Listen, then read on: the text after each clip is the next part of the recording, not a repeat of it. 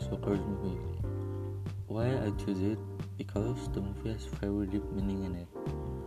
So the Joker or Arthur Fleck in the movie has a mental illness because of his neighborhood and it makes his mental worse. So he works on being a clown for make kids happy and he did his job.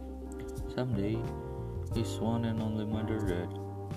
And he thinks that it because of politics thing, so he decided to make a revenge to the politics and he's very stressed by this mother that So he walks everywhere with a clown suit and clown makeup. Someday he killed three men because the three men bullied him at the train. He killed him with a revolver and the is everywhere because the one and only people with a clown makeup is Arthur Fleck.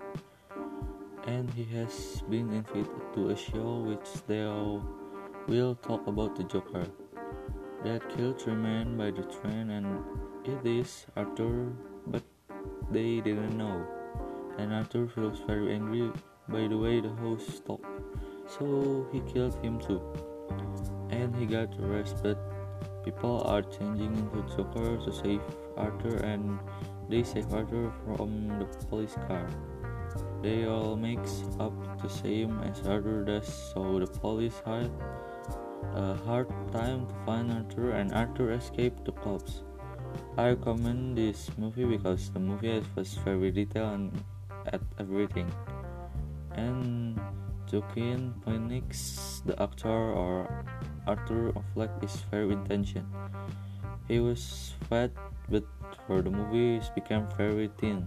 Because Arthur at the movie looks depressed and, like I said, the movie has a very deep meaning which you wouldn't know what's the meaning at you first watching it.